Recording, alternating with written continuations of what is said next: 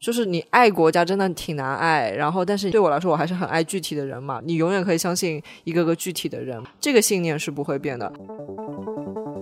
在这种烂透了的大环境下，如果我们还是能够好好的生活，我觉得这个本身就是一个非常有力量的反抗。是的，也许 Chosen Family 它背后最核心的东西，对我们来说就是如何在一个糟糕的世界里去爱具体的人。Hello，大家好。这期播客录制于纽约布鲁克林的日落公园 Sunset Park。这期讲到的一些故事，都是离散的朋友们夹在两个语言世界之间的体验，不免会有一些中英文夹杂。但这些讨论背后的感受，相信是可以跨过语言的隔阂的。那在这里打一个招呼，请大家放心服用。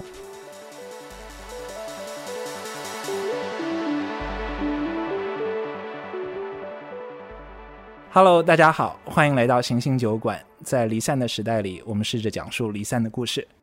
这期播客想聊的是 Chosen Family。在建立离散生活的过程里，越来越多身边的朋友开始反思家庭的形态和意义。它一定要被血缘和婚姻捆绑吗？Chosen Family 对于我们来说究竟意味着什么？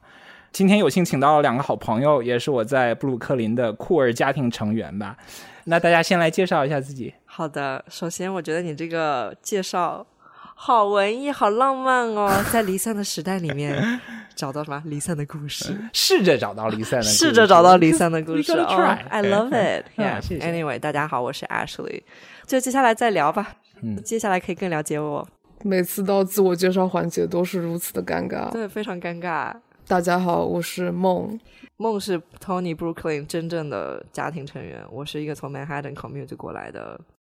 wannabe 家庭成员，好吗？Yeah，我觉得上一次我见到 Ashley 的时候，还是整整一年前，一年多前。嗯，在你去泰国前，对，在梦的生日局上。嗯，其实今天把大家这个嗯抓壮丁一样的抓过来聊这个东西，源自于我在清迈的时候看到的一张海报。那个时候大概是去年二月份吧，我还在慢慢的在泰国在建立自己空间的时候，其实也很想念大家。然后呢，也在街上非常非常 random 的街上，在一些充满泰文的这些招牌的地方，然后我就看到了一个中文的海报。这个海报是这么写的：说爱自己。爱伙伴，不爱国；爱 chosen family，爱大地，爱自由。Not your patriot。当时我看到的时候就热泪盈眶，我完全不知道，原来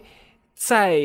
世界的这么远的这些不同的角落，竟然有朋友在用中文讲同样的事情。By the way，就是其实我现在还不知道究竟是谁写的，谁 po 这些东西，所以说赶紧在播客里面也认清认清一下。对，而且它每一句还是用不同的颜色写的，就很明显是一个彩虹，有彩虹 theme 在这里。它里面有一句就“爱 chosen family” 这件东西就尤其的打动我，然后那一瞬间我就觉得，哎，我想念我布鲁克林的朋友们，他们其实不仅仅是朋友，是我的 chosen family。Right, right。我每次来 Brooklyn 这边的时候，我也有种回老家的感觉。我跟梦也讲过，因为我从 Manhattan 过来要一个小时坐地铁嘛，嗯，然后每次回来就是有一种，因为首先我们能说这边的地理信息吗？嗯，呀、yeah,，反正就是这边又是一个 Chinatown，然后你就觉得、啊，华人的各种东西回来就很有安全感。然后又因为你们都住得很近嘛，然后来这边就觉得啊，我一个人孤单的在外面拼搏打拼漂泊，然后坐一个小时回来，就是有种就是有种在国内去亲戚家的感觉，嗯，就很有归属感。但是这个归属感，我觉得也是来了，因为我来纽约才两年的时间嘛，嗯，然后我觉得是在第二年，我觉得大家 settle down 了之后。然后我慢慢的就是加入这个群体之后，虽然就是不是经常见面，但是每次见到的时候，觉得说啊，就是有种见亲戚回老家的感觉，就觉得特别温暖。So this is my chosen family。哎，而且我们的群还叫“我爱我家”。对，最开始那个群是我当时生日的时候建的，然后就慢慢的就衍生成了一个日落公园的群。嗯哼，然后这个群里面还大部分都是 queer。嗯哼，就觉得挺神奇的。要么 queer，要么是 woman non-binary Chinese people。对，然后那个群的头像还是我爱我家的那个那个电视剧叫什么？对我爱我家电视剧的那个头像。对，我觉得其实我来了纽约也挺久了，从二零一五年到现在，我自认为我有过一些很 intense 的，就是和社群连接的经历，但是我觉得来了 Sunset Park 之后，嗯，和 Chinese queer diaspora queer folks 建立的这个这个新的家。和以前还是挺不一样的。你以前的是一个什么样的感觉？因为我我的印象里，我自己没有住在 Bushwick 过，就是在纽约一个比较 hipster、比较小众文化里面比较酷的一个一个地方吧。然后那边还众所周知的，在纽约有很多的这种 queer commune，就大家住在一起省钱，就感觉是特别特别酷的一个形式。但是真的住在那里的感觉是什么样的？我觉得我因为最开始来了纽约的时候就去了 Bushwick，而且的确是 如 stereotype 所见，我真的最开始就去住了一个 queer co-op，就是和另外五个酷儿朋友们住在同一个空间里面。那个时候其实并没有所谓家庭的感觉，那个时候就是大家住在同一个家，但是不是家人，而是好像一群人在分享一个空间。但是现在有一种，嗯，虽然说大家住在不同的地方，但是有一种心上面的连接吧。哦，就有一种好像见不到彼此的时候会有一种挂念。嗯哼。然后我觉得我另外还有一个我的社群是。Queer people of color，我真的花了很多心思去经营的一个 Queer people of color community，但是他们还是主要以英文为主。嗯，但是这次好像就有一种真的有一种家人的感觉，就以前在讲 chosen family 的时候，我会有一种觉得有一种抽离的感觉。嗯，呃，虽然说我知道这些人我很在意，但是总是有一层我自己是不能跟他们分享的，就是我的中文这一个。面相是没有办法跟他们分享的。嗯，但是来了这边以后，就过去的一年，我觉得这个 chosen family 的感觉越来越清晰了。嗯，就是好像我不再需要去解释什么东西，就真的就大家嗯在一起吃吃喝喝，然后去了解彼此最近发生了什么事情，然后就真的在以一个很关爱的角度去。促进大家的成长，就我们真的是在为彼此的成长而骄傲，但是也没有把彼此的成就放到自己的小我的这个世界里面。其实很有趣，因为你搬到纽约的时候，你就去了 Bushwick Co-op。我去的是一个完全不一样的一个情境。我搬到纽约就住进了 House Kitchen。House Kitchen 是一个哦，你之前是 House Kitchen 的吗？I was a House Kitchen gay。哦，哇塞！就是给大家一个 context，就是 House Kitchen 就是在纽约的百老汇附近时代广场边上的一个街区。那这个街区呢，就是一个特别 gay，但是呢，与此同时又是特别。别就是白，特别传统上的那种，大家想象的那种白人，然后有一个小 beard，然后呢养只狗，然后 muscular，对，它其实是纽约的不断的 gentrification 的一个结果。它的这个市生化是这样走的：曾经 Chelsea 是纽约的 gayborhood，就是 gay 比较多，然后在这之前是这个 West Village。这样子，它一个一个的慢慢的 gentrify，那这样反正反正基佬嘛，最擅长干这些事情了。那 Chelsea 慢慢就越来越贵，然后呢，大家就从 Chelsea 搬到了 House Kitchen 这个样子。那 Chelsea 现在都是年纪比较大的 gay，然后大家一起就是带着狗狗，然后去看画廊啊。是科技公司的 gay。对对对对。那 Bushwick 就都是想要成为艺术家或者。是，已经是艺术家的，对，是，interesting。那那个时候呢，搬去 House Kitchen 的原因很简单，就是 I want a Sex and City life，I 我想要就是看着欲望都市那样子进来，就觉得哦，它有一种这个有一种吸引力嘛。我自己也是写东西的，我就想啊，我我可以过来当 Carrie Bradshaw，我可以怎么样？那个就有一种很强烈的那种 Carrie Bradshaw 梦，I have that Carrie 的梦，太震惊了。对。那那个时候其实完全没有想着说你要不要 family，要不要有其他人的 support，因为你过去难道不是应该在纸醉金迷的生活里面，然后呢每天都出入不一样的世界，然后在这个地方感受最刺激、最 exciting 的那些东西吗？对，你是几岁的时候搬到？也老大不小。那个时候二十五岁，二十五岁，对，我也是二十五岁来的纽约，同时来到纽约，有不同的梦，但是最后又又到了同一个殊途同归，殊途同归。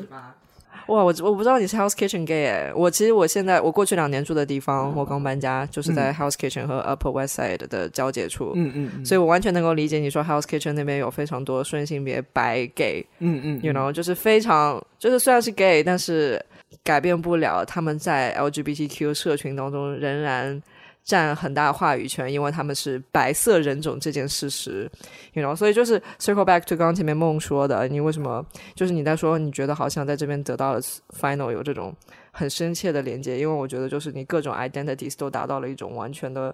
透明和拥抱，就是不仅仅是性倾向这件事情，然后还有 ethnicity，就是来自相似的背景才知道彼此的表情为什么是那样吧，所以我就觉得就是就是这种 intersectionality，就是各种。种族啊、性别啊、性倾向啊，各个方面，嗯，我觉得是各种 identities，如果能达到一种交融的话，真的是一种很难得珍贵的感受呢。嗯，是很珍惜在这边的每一天。哎呀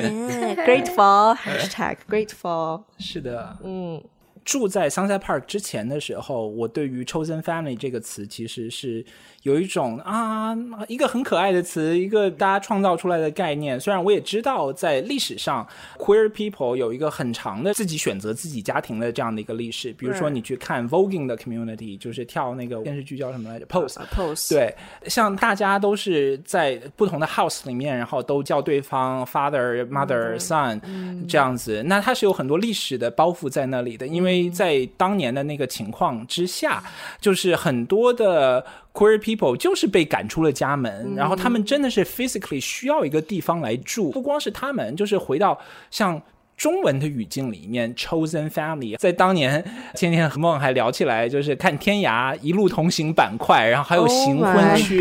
其实很多的 queer people 他们也是通过行婚的方式来选择自己想要的生活家庭，只是在当时的这个环境之下，它有不同的方式吧。嗯。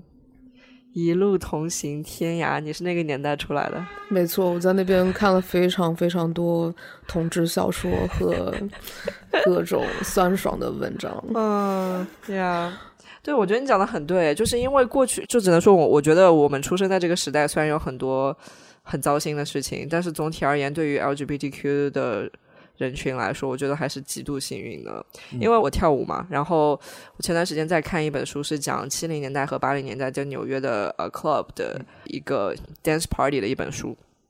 然后呢，当时的纽约的 dance party 主要人群其实都是 gay，因为 gay 是大家最会扭、最会释放自己，就是在 dance floor 上面是最耀眼的。所以就是这种 parties are not fun without gays，you know。但是当时他们对他们来说，dance parties 那些 clubs 是他们唯一能够真实做自己，可以在那边 gyrate 就可以扭动自己 hips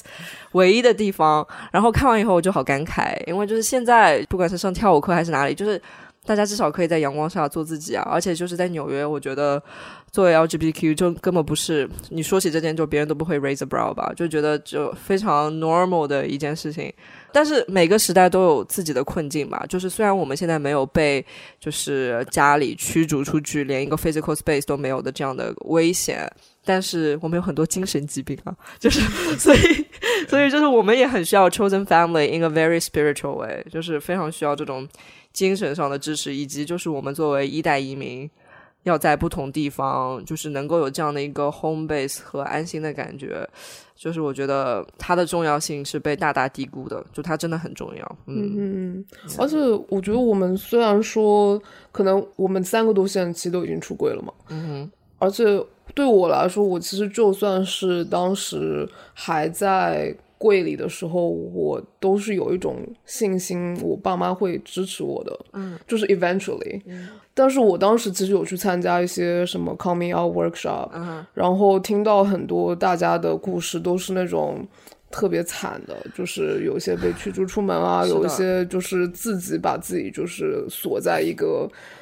不见天日的地方。但是同时，我我觉得我们的确是在，起码以我的。经历来说，我觉得我在长大的过程中，我一直都是有一种清楚的认识，就是我我虽然知道我自己这个身份没有错，但是我也知道这个身份是一个我的大家庭不会轻易接受的身份，所以其实，在寻找 chosen family 或者是寻找一个 supportive community 这方面，很早就开始有这样的探索了，在网上啊，或者是去一个新的城市，我觉得。它虽然说让我感觉到很早的时候就感觉到有一种孤独感，但是它同时给了我一种去向外探索、向外寻找能够支持我、能够互相支持的一个系统。嗯，嗯现在我跟你的路径有点不太一样，哎，就是我是从来没这个意识，说我就是我孤独，我得去寻找，就是我没想说想个办法去解决它。但是当这个社群这个 chosen family 出现，然后我不知不觉已经进入于其中之后，他给我得他给我带来的这些心理上的满足和幸福感，我事后回想才说，哦，原来他那么那么重要。然后就是我是在上海，就我也是上海人嘛，然后我出柜的时候。我第一次出柜的时候，当然爸妈不是很支持了。但是后来我是在上海找到上海的 LGBTQ 的社群之后，然后那种 normalizing 那种被看见、那种觉得自己正常的感觉就特别特别珍贵。然后我觉得我的自我认同的完全完成是在和上海的这些 queer friends hang out 一起做 volunteer 一起办，比如说上海 Pride 活动的时候才完成的。然后后来我就发现，哎，社群这件事情真的是我在上海得到 queer community 这种 support 和 validation 之后，我才那个时候已经二十一岁了吧，才慢慢觉得说，哦，这件事情好重要，好重要。然后他就后来成为我人生当中过去这个 decade 人生当中的一个非常重要的关键词。听了你们的，我感触超多，就我跟你们有一点像，又有一点不一样的地方，就是，嗯。我一直都不知道哦，原来出来是要有 family support 这件事情的。因为我我是大概从六七岁开始就在寄宿学校里面，就一直不知道回家在家里面究竟是应该是一个什么样的感觉。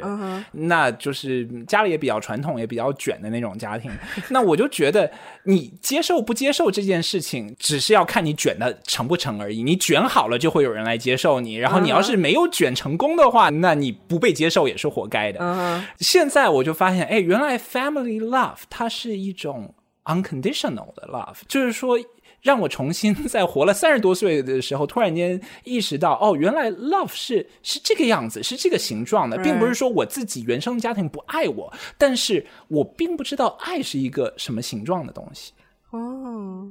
你是因为独立太早了之后没有过这种 experience 或模板吗？那我不知道，原来家就是一个让你可以脆弱的地方，就是在 Sunset Park 的。我的 queer family，我现在知道 I can be a loser。我在这个地方痛苦、难受、崩溃、大哭的时候，我知道我的家人们不会 judge 我，他们不会觉得你干嘛不努力一点，你干嘛不再卷一点，你卷好了不就没有人欺负你了吗？就是他突然间让我意识到了，你可以完完全全的把自己最脆弱的东西给别人看，而且别人也能听得懂、能接得住，这是一个非常重要的，对我来说很巨大的一个改变。嗯。这个我非常理解。我们之前有聊过，就是作为从教师家庭出来的孩子，爸妈都是教师啊，就是永远都有更多可以做，永远都可以做得更好。Always teaching，嗯，always teaching. There's always a lesson. Oh my god！天哪，嗯。我非常理解，就是我觉得我在和就是原生家庭沟通的时候，可能出来以后很多的考虑是怎么样让他们不去担心，怎么样让报喜不报忧，怎么样让他们知道我在天边依然过得挺好，然后不断的给他们汇报我在事业上面的发展。其实最近我跟我父母有一个对话，就是跟他们汇报一个最近的一个。呃，事业上面的成就，然后我爸就说：“哦，很好，很好。”然后 somehow 我们接下去聊的时候，他就说：“他说他觉得我生活现在过得太安逸了。”然后我当时就哭了，哦，我就觉得哇，这个可能真的是可能说明我在某方面这个伪装做的实在太好了。就是我竟然能够让我的父母以为我作为一个 queer migrant person who's living in New York and doing creative work，让他们觉得我过得挺好，就是我过得安逸，太安逸。对，然后就是当时我们其实，在深度聊的时候，意识到这个真的是从我们在中国家庭长大，有一种不能跟家人分享你的难处，嗯，就是不想让他们多担心的一个一个 social conditioning 吧。但是我觉得在库尔 chosen family 或者在我们现在这个 family 里面，我真的觉得我的现在的 queer chosen family members，they don't really care about 你的 shining portfolio，对。对，就是这个，我觉得，嗯，其实他从某种程度上也对我和原生家庭的关系产生了一种疗愈。就我意识到，我其实我的父母他们也并不是那么在乎的，只是因为那是我唯一跟他们不断去分享的东西，所以他们能够把这个东西拿来作为他们感觉到自豪的一个筹码。嗯我以为那是我们维系我们关系的唯一的方式，但其实并不是那样的。其实他们也想要听到我跟他们讲我生活的难处，我生活的挑战，我是怎么度过的。我也不用一直都是带着奖状回去的那个小孩了。哦，是的，哇，这个真的是很很容易哭呢。是的，太有感触了，因为我就发现，就是其实，其实，在 chosen family 里面，其实他教会了我，哎，原来爱、分享爱，或者说原来这种生活是这样的一个感觉。嗯那回过头来，我意识到这一点的时候，我就在清迈的时候，当时上一期博客我也讲到，就是我把我爸接到了清迈，然后跟他出柜了，然后带他玩儿。然后我有一个特别强烈的，在和他的这个交流过程中，我们已经三四年没有真的见面了。然后呢，在这个交流过程中，我就意识到，OK，他们不懂。我想要的爱，我想要的爱是一个什么感觉？那我可以去复现我在 Queer Family 里面得到的这种爱，我就带他去听歌，就是去看现场的音乐，去看见我们从来没有干过这些事情，嗯带他去吃我想要吃的东西，然后就是分享这种快乐，然后他就特别特别的有感触。我记得有特别动情的有一刻，就是在疫情中，他已经不记得，就是我们唱 K 嘛，然后就他已经很久没有唱歌了，他也不记得他自己唱了什么，有什么歌可以唱。那时候我就随便找，我就从什么《十五的月亮》啊，从各种各样的歌里面去找，然后呢，就找到李宗盛吧，什么凡人歌，什么你我皆凡人，在人世间。嗯然后我爸就有点哭了，他就觉得，他说他年轻的时候听这些的歌哦，没有是齐豫的《橄榄树》，他听的时候特别特别的动情，然后他觉得这是他年轻时候的经典，现在他的孩子。在这个场合之下，我们一同去创造这样的一个 moment，可以去感受这个经典。然后我就觉得，哇，哦我在 Sunset Park，我在我在那个地方体会到爱和我在原生家庭的爱，我把它给接到一起去了，哇，然后特别开心。哦，this is so beautiful。哦，我觉得真的是怎么说？因为我家庭生活非常幸福嘛，去描述我前十八年、二十年的人生，就是就是没有经历过特别大的生老病死，所以就基本上一直都过得非常的顺遂。然后爸爸妈妈也很相爱，也很爱我，然后他们从来不要求我做什么做那个，就也没打过我，也没怎么骂过我，所以就我一直。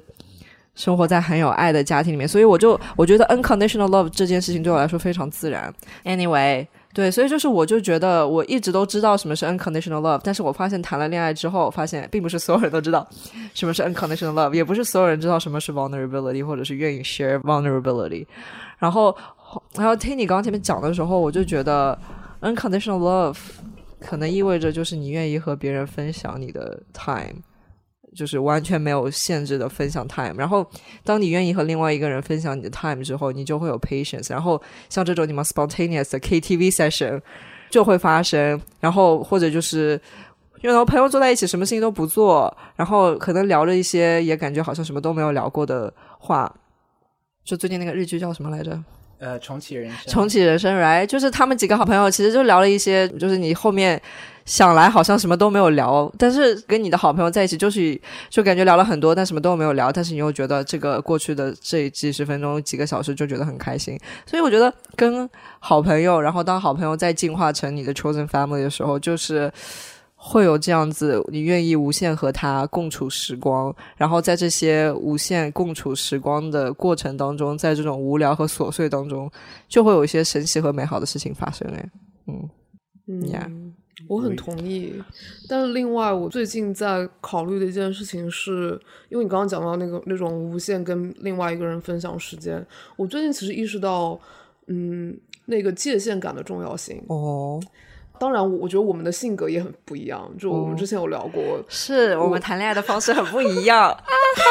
你们谈恋爱的方式，我不是说呃、uh,，not as in 我们俩谈恋爱，是我们跟别人谈恋爱的时候，就因为我们经常会互诉感情烦恼、小心事，然后就会发现说，我靠，我们两个人就简简直是在这个光谱的两端。嗯啊，你继续说。但是你刚刚讲的时候，我就突然意识到了，为什么我们的亲密关系的相处模式会有这么不一样？因为你刚刚讲到说，你其实，在小时候的成长中，你觉得你的家庭是非常幸福的，嗯，然后你其实很早就懂得这个 unconditional love 是什么，嗯，呃。但是我觉得，我虽然说我一直知道我爸妈是爱我的，但是我并不觉得他们一直以我想要的方式在爱我。其实我自己也并不知道我想要以被什么样的方式爱。嗯，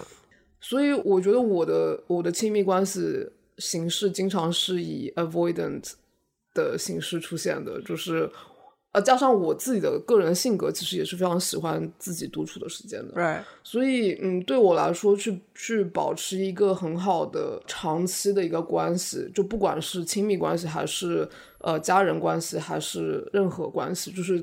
它其实这个有一个合理的界限是很重要的。嗯哼，但是我觉得好像是跟就是更亲密的人，其实你会花更多的时间去讨论怎么样才是让彼此舒服的一个相处.方式。right，这个我觉得在普通的关系里面，并不会到那么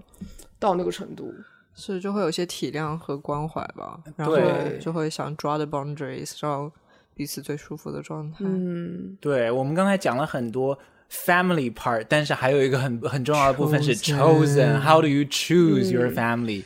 这些东西，这个东西特别特别的，它不仅是一个你要去做的一个行动，其实也是对你自己了解自己的一个很重要的一个考验吧。我觉得。我自己是一个不太有界限感的人，我原来我就不太会说 no，然后呢，people pleasing 就是特别特别喜欢，就是以别人的开心为开心，但其实自己非常的不开心。现在好难看出来你是这样子，以前是这样子的人我以前哦特，别你现在是特 don't give a f 哦。我现在 don't give a f 对，呃，天哪，你以前居然是 people pleaser 我现在还是 people pleaser，但是我现在只想 please the people I care about。哦，OK。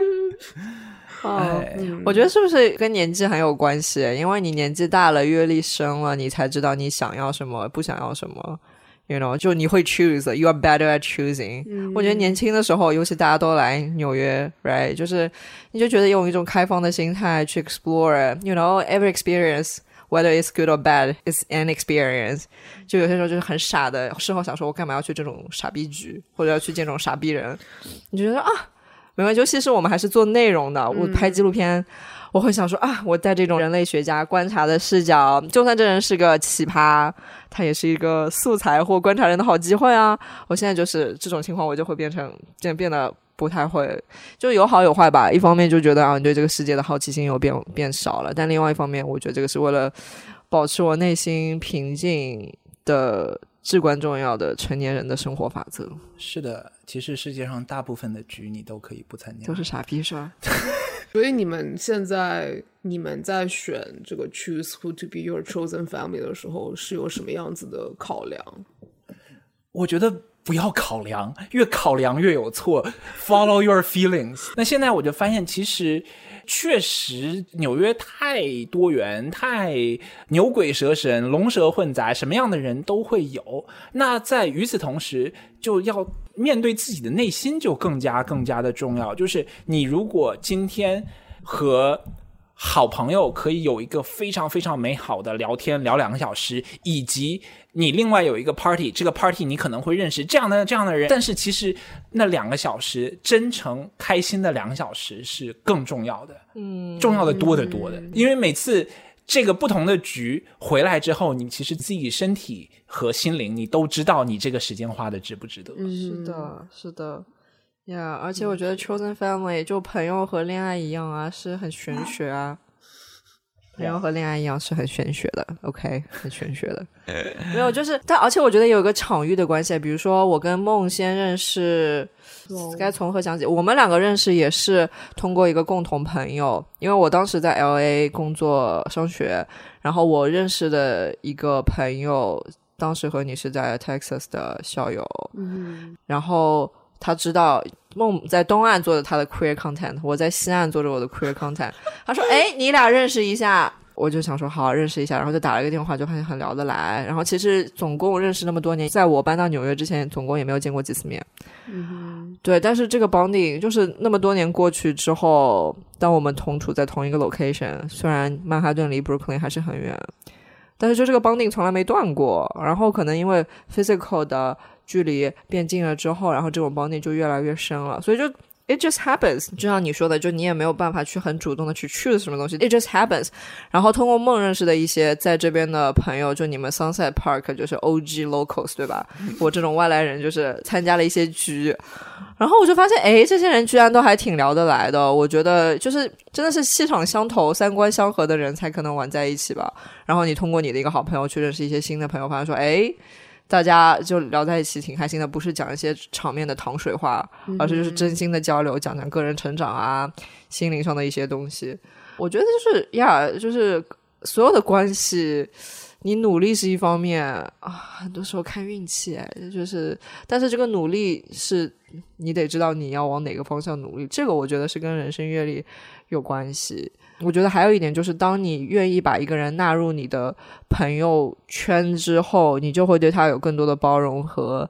耐心。就举个例子，就是我一开始在这边认识的一个朋友，他每次微信跟我都喜欢发语音，在我还跟他很不熟的时候，他就一直跟我发语音。我说你谁？你就是我觉得发语音这件事情是非常社交礼仪低下的事情。就是为什么你要花我的时间要去听你的语音？你打字我一秒钟就读完了，我还要听你六十秒语音。但是后来我 some 号不知道为什么，我就特别愿意给这个人更多的耐心。然后当我给了他更多耐心之后，发现说，哎，其实我们两个还挺处得来的。但是发现这件事情好像也是可以接受，因为你的 family，you know，就是你的七大姑八大姨，你的家庭成员总会有一些奇葩的地方，you know，但是你就会愿意给这些人更多的耐心和体谅，因为你已经把他看成你的 family 一部分了。是，我就发现，在选择这个方面，越 conscious，越去挑选，它也就给我们留出了越多的空间，越多的耐心给这些 family members。如果我如果我面对的是一百个人的话，那我可能真的每个人就只能蜻蜓点水的交往一下。但是面对的是五个最深刻的关系的话，那我就可以愿意去有更多的耐心去。对对，但我觉得 choose choose 啊，点一下题哈。刚刚的问题是你咋你的 choose 的 criteria 是啥？我觉得对我来说，三观重要，就三观契合特别重要。就是首先你不可以是个大直男吧？我好像好友圈里顺性别直男，我的唯一好友是从中学来一起玩的朋友，就是我中学中有一个很好的直男朋友。我跟他出柜的时候，他说啊你是 l e s b i n 可以，我觉得两个 gay 在一起非常恶心。就是你说这种话，如果我以我现在年纪听到这种人，立刻拉黑，然后我肯定会怼回去骂他。但是因为他是我中学，就是我中学上来的朋友那种，you know 那种程度，就确实有点无法比拟。然后我试着去 educate 他，但是我也知道他有他的路，他有他的直男的康庄大道呀。所以就是。对，所以我就觉得三观契合，就是你要有 queer awakening，你要有 feminist 的意识。你不可以是对政治无感，因为我觉得你对政治没有态度就是你的态度，you know，就是你如果你对政治没有态度，说啊我什么都无所谓，我觉得那就很危险的偏向 conservative。就是我也不是说这个人一定要得激进，但是他至少有一点态度，因为我觉得有态度的人，我才可能跟他聊得来，这个人也更大概率可能是有趣的人吧。所以我觉得挑朋友也跟挑伴侣一样的，就是你希望他是首先最重要的是一个善良的人，然后最好是一个三观和你相合的人，然后是个有趣的人，然后呀，这是我的 choose criteria。所以 basically 就是 queer feminist。我跟你说，能做到这两点的已经是凤毛凤毛麟角，好吗？凤毛麟角，在纽约有这样的人，欢迎跟我们联系，欢迎加入 Sunset Park 的大家庭。嗯，梦呢？你有什么 specific criteria，或还是它是一个比较流动的？我觉得对我来说，好像它是一个比较流动的，因为它其实跟我在当下的状态其实很相关吧。嗯，我觉得我现在选择留在我身边有 access to my private life 的人，都是我起码得相信我们是为彼此好的。嗯就我觉得我在想到 chosen family 的时候，我其实脑海中的一个图景是一个可能是一个森林吧，就是这个森林里面可能有大树型的，可能有蘑菇型的，可能有飞禽走兽，小白兔，对，有小白兔，或者是有有老鹰，我觉得是有各种形态的生物一起在一起创造一个 mutually beneficial 的一个生态系统。啊，嗯，那你自己是一个什么生物在里面？我我觉得我我还是挺想成为一棵树的。啊嗯、我觉得我可能星盘来说，我是一个水象和土象星很 很重的人。我觉得我自己一边是可以想看到自己是一个在水里面流动的人，但是我觉得如果是以森林这个意象来说的话，我我希望我是一棵树吧，就是我希望我是一个就是慢慢落地生根，然后安静的长成我自己的形状，并且给能给别人创造一些环境去做他们还想要给人遮阴呢？哦 You know 好好 noble 哦。哎呦，没办法，我觉得其实可能真的在很早出柜，并且我觉得我的出柜可能是一个嗯带着 activism 形式的一个出柜，可能底层来说，其实我回到我小时候，就是我觉得我想要成为一个我小时候的自己没有看到，但是想要有的一个形态吧。所以我觉得我做很多事情，有些时候也挺下头的。我的确是会带着那种 responsibility 在成长的吧。哇，哦就我觉得我在做东西的时候，我会想，这是我小时候想要看到的样子吗？嗯，天哪 Anyway 你想好多哦，思虑好多哦。哦，我是绝对是个思虑过剩的人。哦，对，不过你的 gay queer awakening 很早了，就你从小就开始读同人文了。哦，很早，我我感感恩一路同行，感恩那个互天涯相天涯啊！对，感恩晋江晋江，感恩就是各种百度贴吧，哦，很早就开始看，对，天呐，你还会想到就是呃小时候你觉得想要成为的样子？就是我觉得我小时候很渴望看到 normalizing queerness 的东西。天哪！就是我，我其实小时候看了非常多的 queer movies、天 queer 哪 media，00 就是我年代我很早就在网上搜同志电影。对我觉得我看多了那些东西的时候，它其实让我意识到，我现在长长大了以后，可以看到那些 media 对我造成的，嗯，一方面是我知道有 queerness 存在，但另外一边那些 media 给我造成的很多的嗯 harmful，就是因为大部分那个时候看到的 media 都是很 tragedy，很对很惨的，right 就是我我 again 虽然说我一边脑子里知道可以又 queer 又 happy，但是我没有看到这样的存在，所以我觉得我总是想要朝着那个方向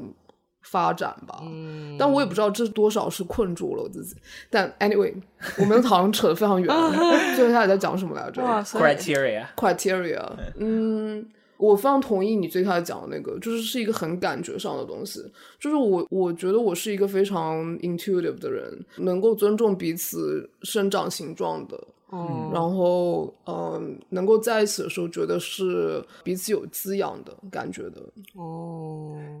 其实提到这个，就想起来，就是我们有 choose，然后呢有 family，就是如果可以选择自己的家庭，那也只是这一个过程的第一步而已。你真正有这个家庭，你还需要去维系它，还要不断的去维持以及 refine 这个关系。哎，我真的是中文都不会说了。中英夹杂万岁！中英夹杂万岁哎万岁！其实我挺好奇的，我们我们虽然说有很多 overlapping，有很多重合的这个朋友圈子以及家人圈子，那那大家都在干什么呢？在虚度时光，怎么去和自己喜欢的 chosen family member 虚度时光呢？可是我觉得跟 children family 在一起的时光不是虚度啊，就虚度是打引号的啦，就是就是 past time together。，对对对，颁奖大会啊，嗯，Q 颁颁奖大会，哦，这个真的是让我非常非常嫉妒的一件事情，因为我不在场。他是给大家介绍介绍一一下，今年元宵节的时候，然后梦因为有了自己的新宅子，所以就觉得这个新宅子可以搞一个元宵晚会 party，但是这个 party 的形式呢，里面包括了一个颁奖大会。其实补充一下，我觉得我现在和和两个朋友住在同一栋楼里面。然后我们自从搬进来之后，就经常有在 host 一些聚会吧。这个我和很多美国的朋友们聊到这个东西，大家反应是这是一个情景喜剧式的 set up，就是大家人们对 Friends 那种门对门的那种，打开就是就是对方。，Yeah，对，你们都是 friends，然后我觉得我们当时一起想要做这个元宵晚会，一方面是想要庆祝一个中国的节日吧，另外一方面也是想要利用那个机会，大家一起互相吹吹彩虹屁，嗯，对，回顾一下过去，然后展望一下未来。就是来了 Sunset Park 以后，开始有一群能够讲中文、理解中国文化的 Sunset Park Queer Family 的时候，就是很想要大家一起去们，就是纪念这样子的时刻。嗯，嗯然后我们当时每个人都有一些不同的分配吧，就是比如说有些人负责烧饭，有些人负责，比如像 Ashley 文文案当担当，小文案，就每个人都有一个 tagline，就是对对我们当时做了一个 PPT，呃，里面给每个人都做了一个 slide，然后里面邀请大家去夸这个人，并且还请了另外一个朋友做了通过 AI 生成，通过 Mid Journey or Dolly 生成的一个很酷的 animation，就是充分利用了充分利用了大家不同的艺术才华。对然后一个人做奖状，一个人想文案，这其实大家一起想文案。我是一直到今天才知道你们整件事情有多么的正式。我在看到这个 PPT 活动流程，第一步颁奖，从二楼徐徐走下；第二步上台 接受彩虹屁洗礼；我跟你说真的，第三发表获奖感言；第四阅读给自己的感谢信。真的，it's a whole thing。对，对我们要求每个人都去给自己写了一封给过去的自己的感谢信。是的，就嗯我其实读的时候，其实觉得挺尴尬，准备的时候也觉得挺尴尬，但是真的做完以后，就觉得说好感恩这样的事情。嗯就是人需要这种 ceremony，反正我觉得每个就是 ceremony 有很有意义嘛，就是而且我觉得，呃，因为当时在场的大家都是女性或者 non-binary 吧，就是通常来讲，女性更不容易去夸赞自己，就是而且我们作为亚洲人，以及就感觉好像大家对自己的 validation 和对自己的自信心就是没那么多，尤其是本人，我觉得我自己真的是 I'm really bad at taking compliments，就是别人夸我的时候，我我我就真的就真的很不知道怎么反应。但是我觉得在一群你的 chosen family 中间，然后在一群你觉得安全，你觉得在他面前做傻逼也没有关系的人的面前，然后你好像就整个事情做下来，你就会觉得说，哎，你真的获得了很多能量，而且就是 community 和 chosen family 的重要性，就是彼此就是 hold each other up，就大家就是在一起成长的路程中，就像你说的嘛，就真的是为对方好呀所以就是元宵晚会，这是我们在这边搞的一个 it's a success。聊到这里呢，我们还找到了当天元宵晚会的一些影音记录。你接下来将听到的这一段录音呢，就捕捉了当时那个非常特殊的时刻和氛围。那我们想用今天这个机会来庆祝一下大家过去一年、过去一辈子的努力。我们首先要，首先要表彰的这位同学，这边有人说，有时候像个小太阳，把光和爱带给大家；有时候像月亮在暗夜里一片清明。然后还有同学表示，啊、s e t Park 最厉害巫婆加村长，组织能力超强，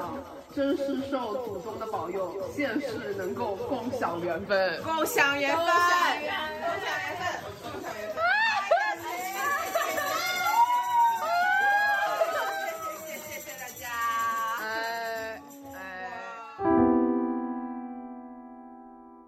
而且我觉得那天就是让我觉得很感动的一点是，其实二零二二年对很多人来说并不是一个很容易的年份吧。反正对我来说，是我的人生产生了天翻地覆的变化，就觉得我们真的非常值得一起营造一个环境，让大家来一起。进行一个疗愈，进行一个畅想，进行一个就是你可以无休止的夸赞自己，而且你会有一一整个屋的人来接住你对自己的夸奖，并且在那之前，我们做了那个 PPT 是让大家来匿名的夸奖彼此嘛。就是我觉得在那个过程中，我也看到了很多我自己其实没有看到的面相，看到别人对我的 reflection，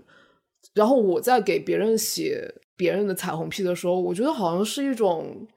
大家在炖一碗非常浓郁的鸡汤，啊，每个人加点材料。对对对对对对，非常可惜，Tony 当时喝到，没事，下次再喝。对，我我当时在泰国。给你们开辟新世界嘛？对对对对对对，人家不喝鸡汤，人家喝冬阴功汤，喝冬阴功汤，椰子鸡汤，好吧？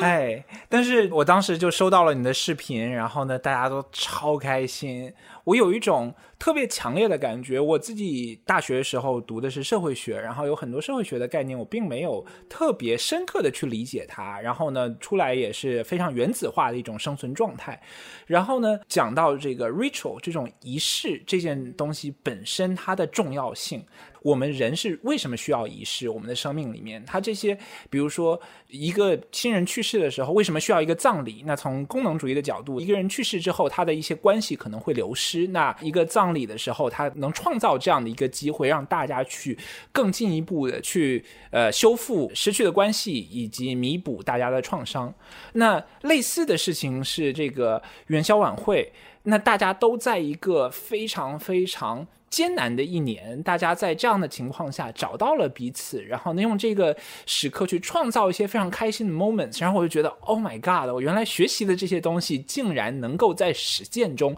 真正的去做出来，就是我精神上在那边和大家陪伴在那里，我我真的是对我的触动非常非常的深。对你刚前面说这些的时候，我想到。两个点，一个是在国内，在我们的原生家庭哈，我不知道你们家庭的聚会模式是什么。我们家，因为我们父母那一代都有很多兄弟姐妹嘛，然后大家的 ritual 就是逢年过节大圆桌吃饭。但是我觉得很可惜的一点就是，我跟我的一些叔叔阿姨或者什么。什么舅舅啊，什么表姐、表哥什么之类的，我们的 bonding 其实不是很深哎，因为就大家一起圆桌吃饭，就很可惜的，就是很像走一个过场。然后虽然你每年有那么多的节假日，大家一起吃圆桌饭，但是就大家只是吃饭而已，大家说一些不咸不淡的话嘛。然后我就觉得这样的 ritual 就嗯不是很 intentional，然后但也很可能就是老一辈的人他们就是这么过来的嘛，就大家就啊就聚一聚吃吃饭什么的。就比如说，你刚刚托尼，你刚刚前面说到说你跟你爸唱 K 这种事情，我也是，因为我从 L A 搬回上海之后，和我妈住在一起之后，就发现我长大以后好像更有能力去跟他创造一些新的 ritual 或新的事情。我有个朋友，反正跟我说，他也会采取一些我们这一代人会说什么非暴力沟通啊，或者比如说 love languages 啊这些，把这些我们现在年轻人用的 tools。去用到和父母的交流和沟通上面。当我们有能力的时候，其实我们是可以更加创造性的跟老一辈的人去创造一些新的 rituals 和体验。现在我们在这边，我们的 chosen family 是年龄相仿、三观相似，然后创造力又很充沛的一群人，所以大家做的这些事情就是很有很有疗愈，就是很有 nurturing 的这个功能。然后第二个，我刚刚前面想到的一件事情是。是不是因为大家都是独生子女啊？你们都是独生子女吗？是，就是我就觉得，如果不是独生子女的话，其实你的关系还蛮多的。就是你还有一些兄弟姐妹，然后你的兄弟姐妹很有可能跟你在同一个国家、城市之类的。就其实你有挺多要忙的事情。但是我觉得是独生子女，然后尤尤其又在异国他乡，然后这种孤独感，你就确实是没有一个 family，就是你没有一个 biological family。然后，所以你真的就是需要 chosen family，以及我觉得这种 family bonding 就是比朋友更进一步，但又不是浪漫关系的这种陪伴，我觉得好像是对人的 well being 和生存是很重要的东西。嗯嗯，非常。而且我觉得对于离散华人社群来说，更加它有另外一层的。难度，但是同时在找到了以后，他有一种非常强的满足感吧。因为我们其实，在作为华人在海外，我们的文化并不是主流的一个环境下面。我们其实褪去了很多可能对自己文化根上面的关于 ritual 的庆祝啊，但是现在我们其实有这个能力去重建一种新的 ritual，嗯哼，然后邀请大家一起来参与，就是他可能也是在编织一个新的文化的一个过程吧。就像刚才那个 Ashley 你讲到，就是你做了什么事情，就是就是写文案，我听到就感觉好像是在小时候过年的时候，大家哎你包饺子，你擀皮儿，然后你做这个，但是我们有自己可以创造出自己的传统来。是的，然后还有一个就是特别好玩儿，就是我爸跟我说，我在美国的有一个远亲，我在这边也见过他几面。然后他这次就是疫情之后就又有机会可以回家，然后呢，他回去的时候就做了一个大事儿，就是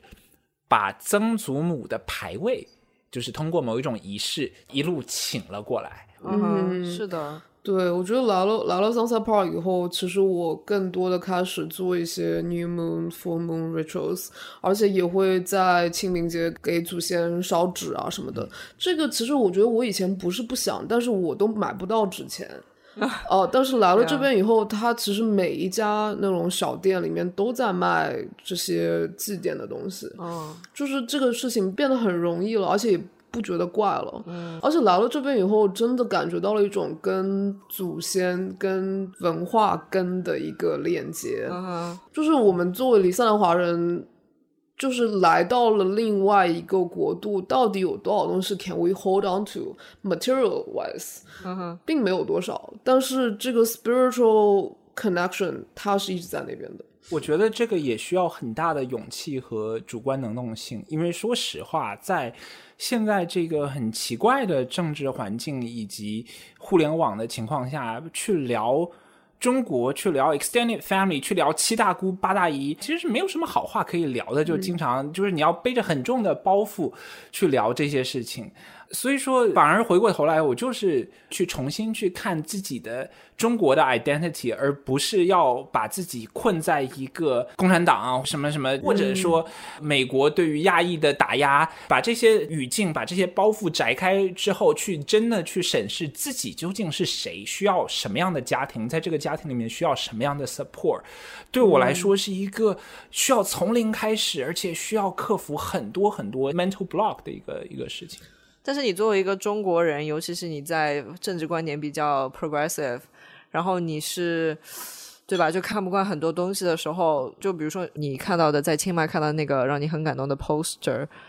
就是你爱国家真的挺难爱。然后，但是对我来说，我还是很爱具体的人嘛。你永远可以相信一个个具体的人，这个信念是不会变的。但是，那你你要怎么样的一个形式？就是在一方面，你有保全你自己小我的这种 mental health，然后这种快乐的。和健康的心情，但是有另外一方面，你仍然是 you are still proud of being a Chinese，但是你用什么样的方式去行动，你用什么样的方式去改变？当我们又没有那种 activist 的这种奉献和真的很强的牺牲精神的时候，但我们还是有非常多精致利己的这种习惯在。我们不能说我们哈，就说 speak for myself，就是我觉得我还是高举着理想主义的大旗，但是双脚还是精明的留在现实里面。但是与此同时，你说的这些东西，又是我们每个人都必须要所经受的幸存者愧疚 （survivor right right）。就是对，就像我们对。去年封城的时候，我觉得这种幸存者愧疚就非常明显。就是四五月时候，纽约春暖花开，虽然过敏很吓人哈，但是就是你在这边看到阳光很好，每天早上起来刷微信朋友圈，就是大家被困在家里，就这种时候你怎么笑得出来？就是是啊，就这种幸存者愧疚。然后当你身边就是围绕着一群，尤其是中国人，就是这些 jaded adults，嗯，you know，但大家又是没有放弃。你作为中国人这个 identity 仍然是希望国家它好的，只是你相当绝望吧，就是你都不知道自下而上有什么改变的可能。然后我就自我安慰说，啊，那我延续战斗力的方式就是先保全我自己小我的状态稳定，只要。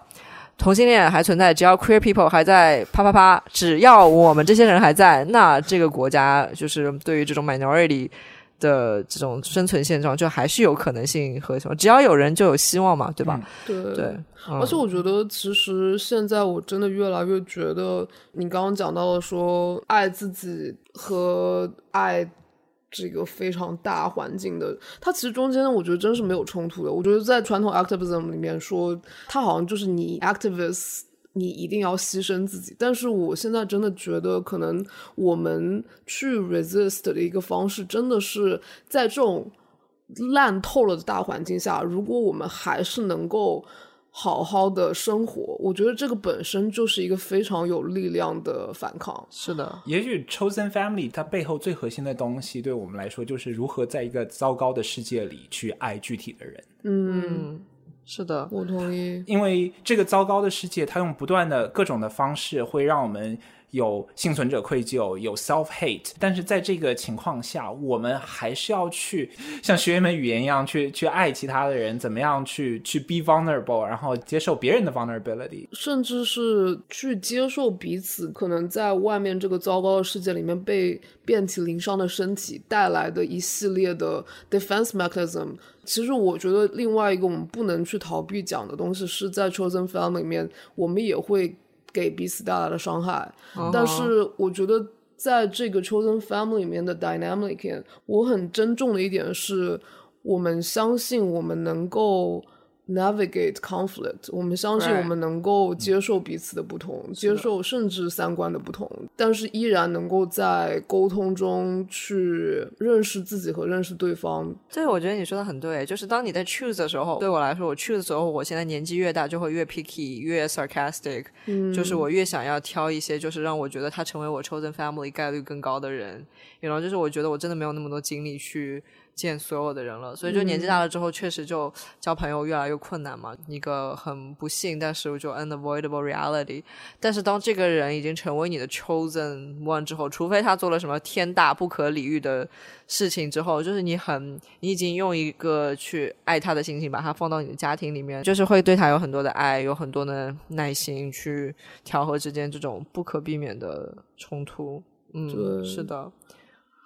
对，就我自己的经历而言，我觉得那个包容其实是最后是回到对自己的包容。我觉得我们每个人身上都有很多我们自己可能不想去接受、不想去面对的阴暗面，但是在这个环境中，在这种就是流动的一个沟通和关系的建立中，我自己是觉得我好像变得比以前更加包容我自己了。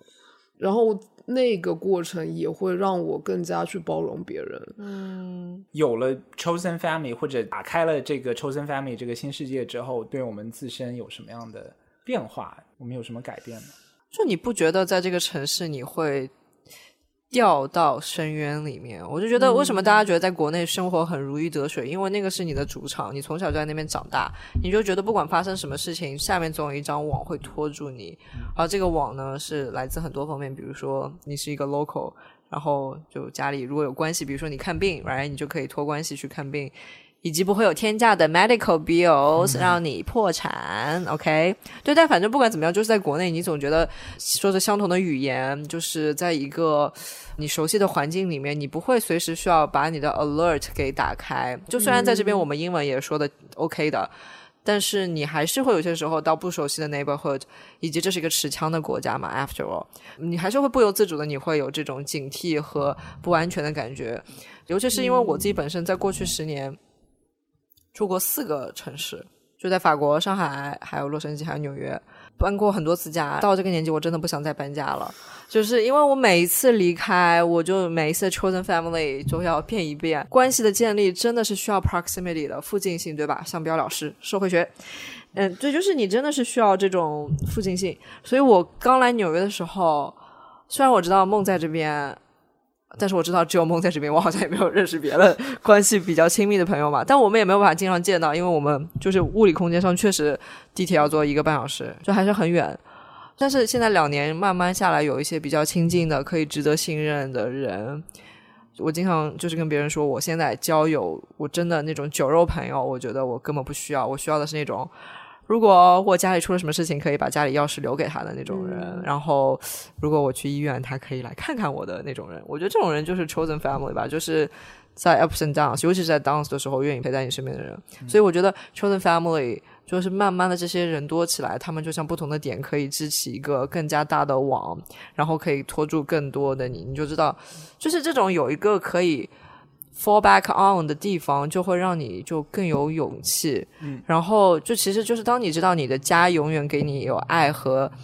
依靠的时候，你就才会有更多的底气去外面探索。嗯，是这样的。嗯，我觉得在一个离散的过程中。我曾经一度是非常希望啊，我要逃离，我要切割，everything sucks here，我要去一个我可以正常做自己的地方。而在中文的语境下，我觉得它有各种各样的东西让我没有办法做自己，那我就要把它一股脑的，就是孩呃呃，这叫什么那个洗澡水和孩子一块掉，对对对，就是就一块都给倒了，都给泼出去了。我想要把这些东西一股脑的全部都要扔掉，嗯，但是扔掉了之后，我就发现，其实，在很多很多的愤懑背后，是我对于很多事情的无奈，以及我我对很多事情的爱。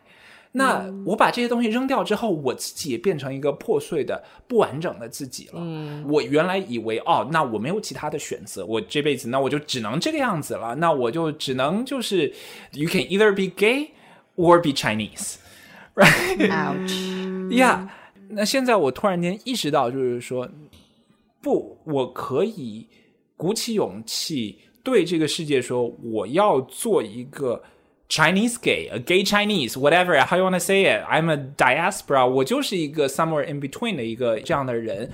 但是在这个情况下，我依然值得有我想要的家人的那样的一种爱。嗯，那我觉得对我来说最大的改变就是我敢去要了，我敢去说 This is what I want。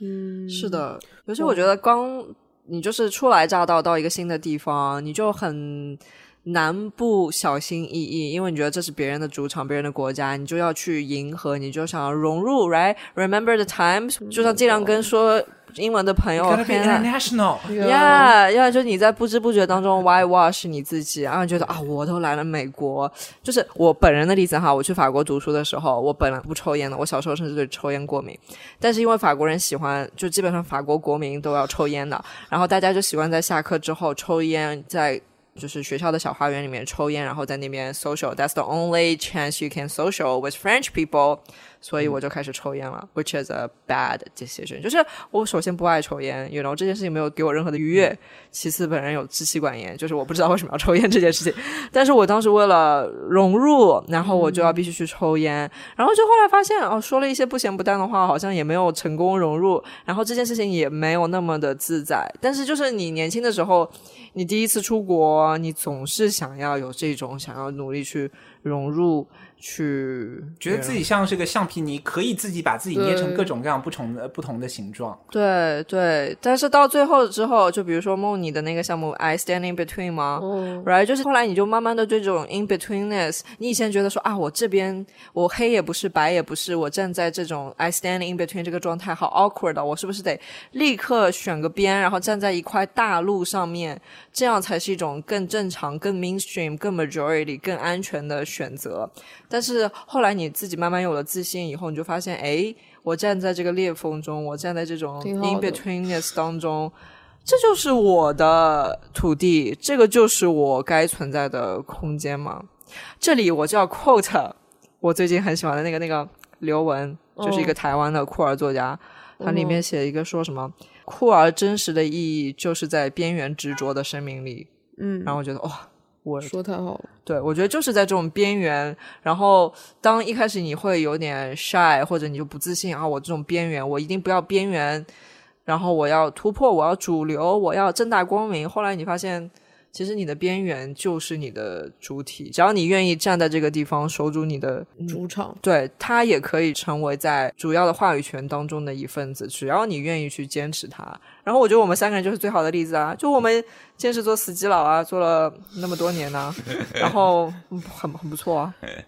right？的确还不错。刚才那个就已经是我觉得是一个 perfect ending，就是死基佬。死基佬，and at 死基佬，forever。在在边缘努力 执着的生执着的生哇，着，以刘真的。雯画作结，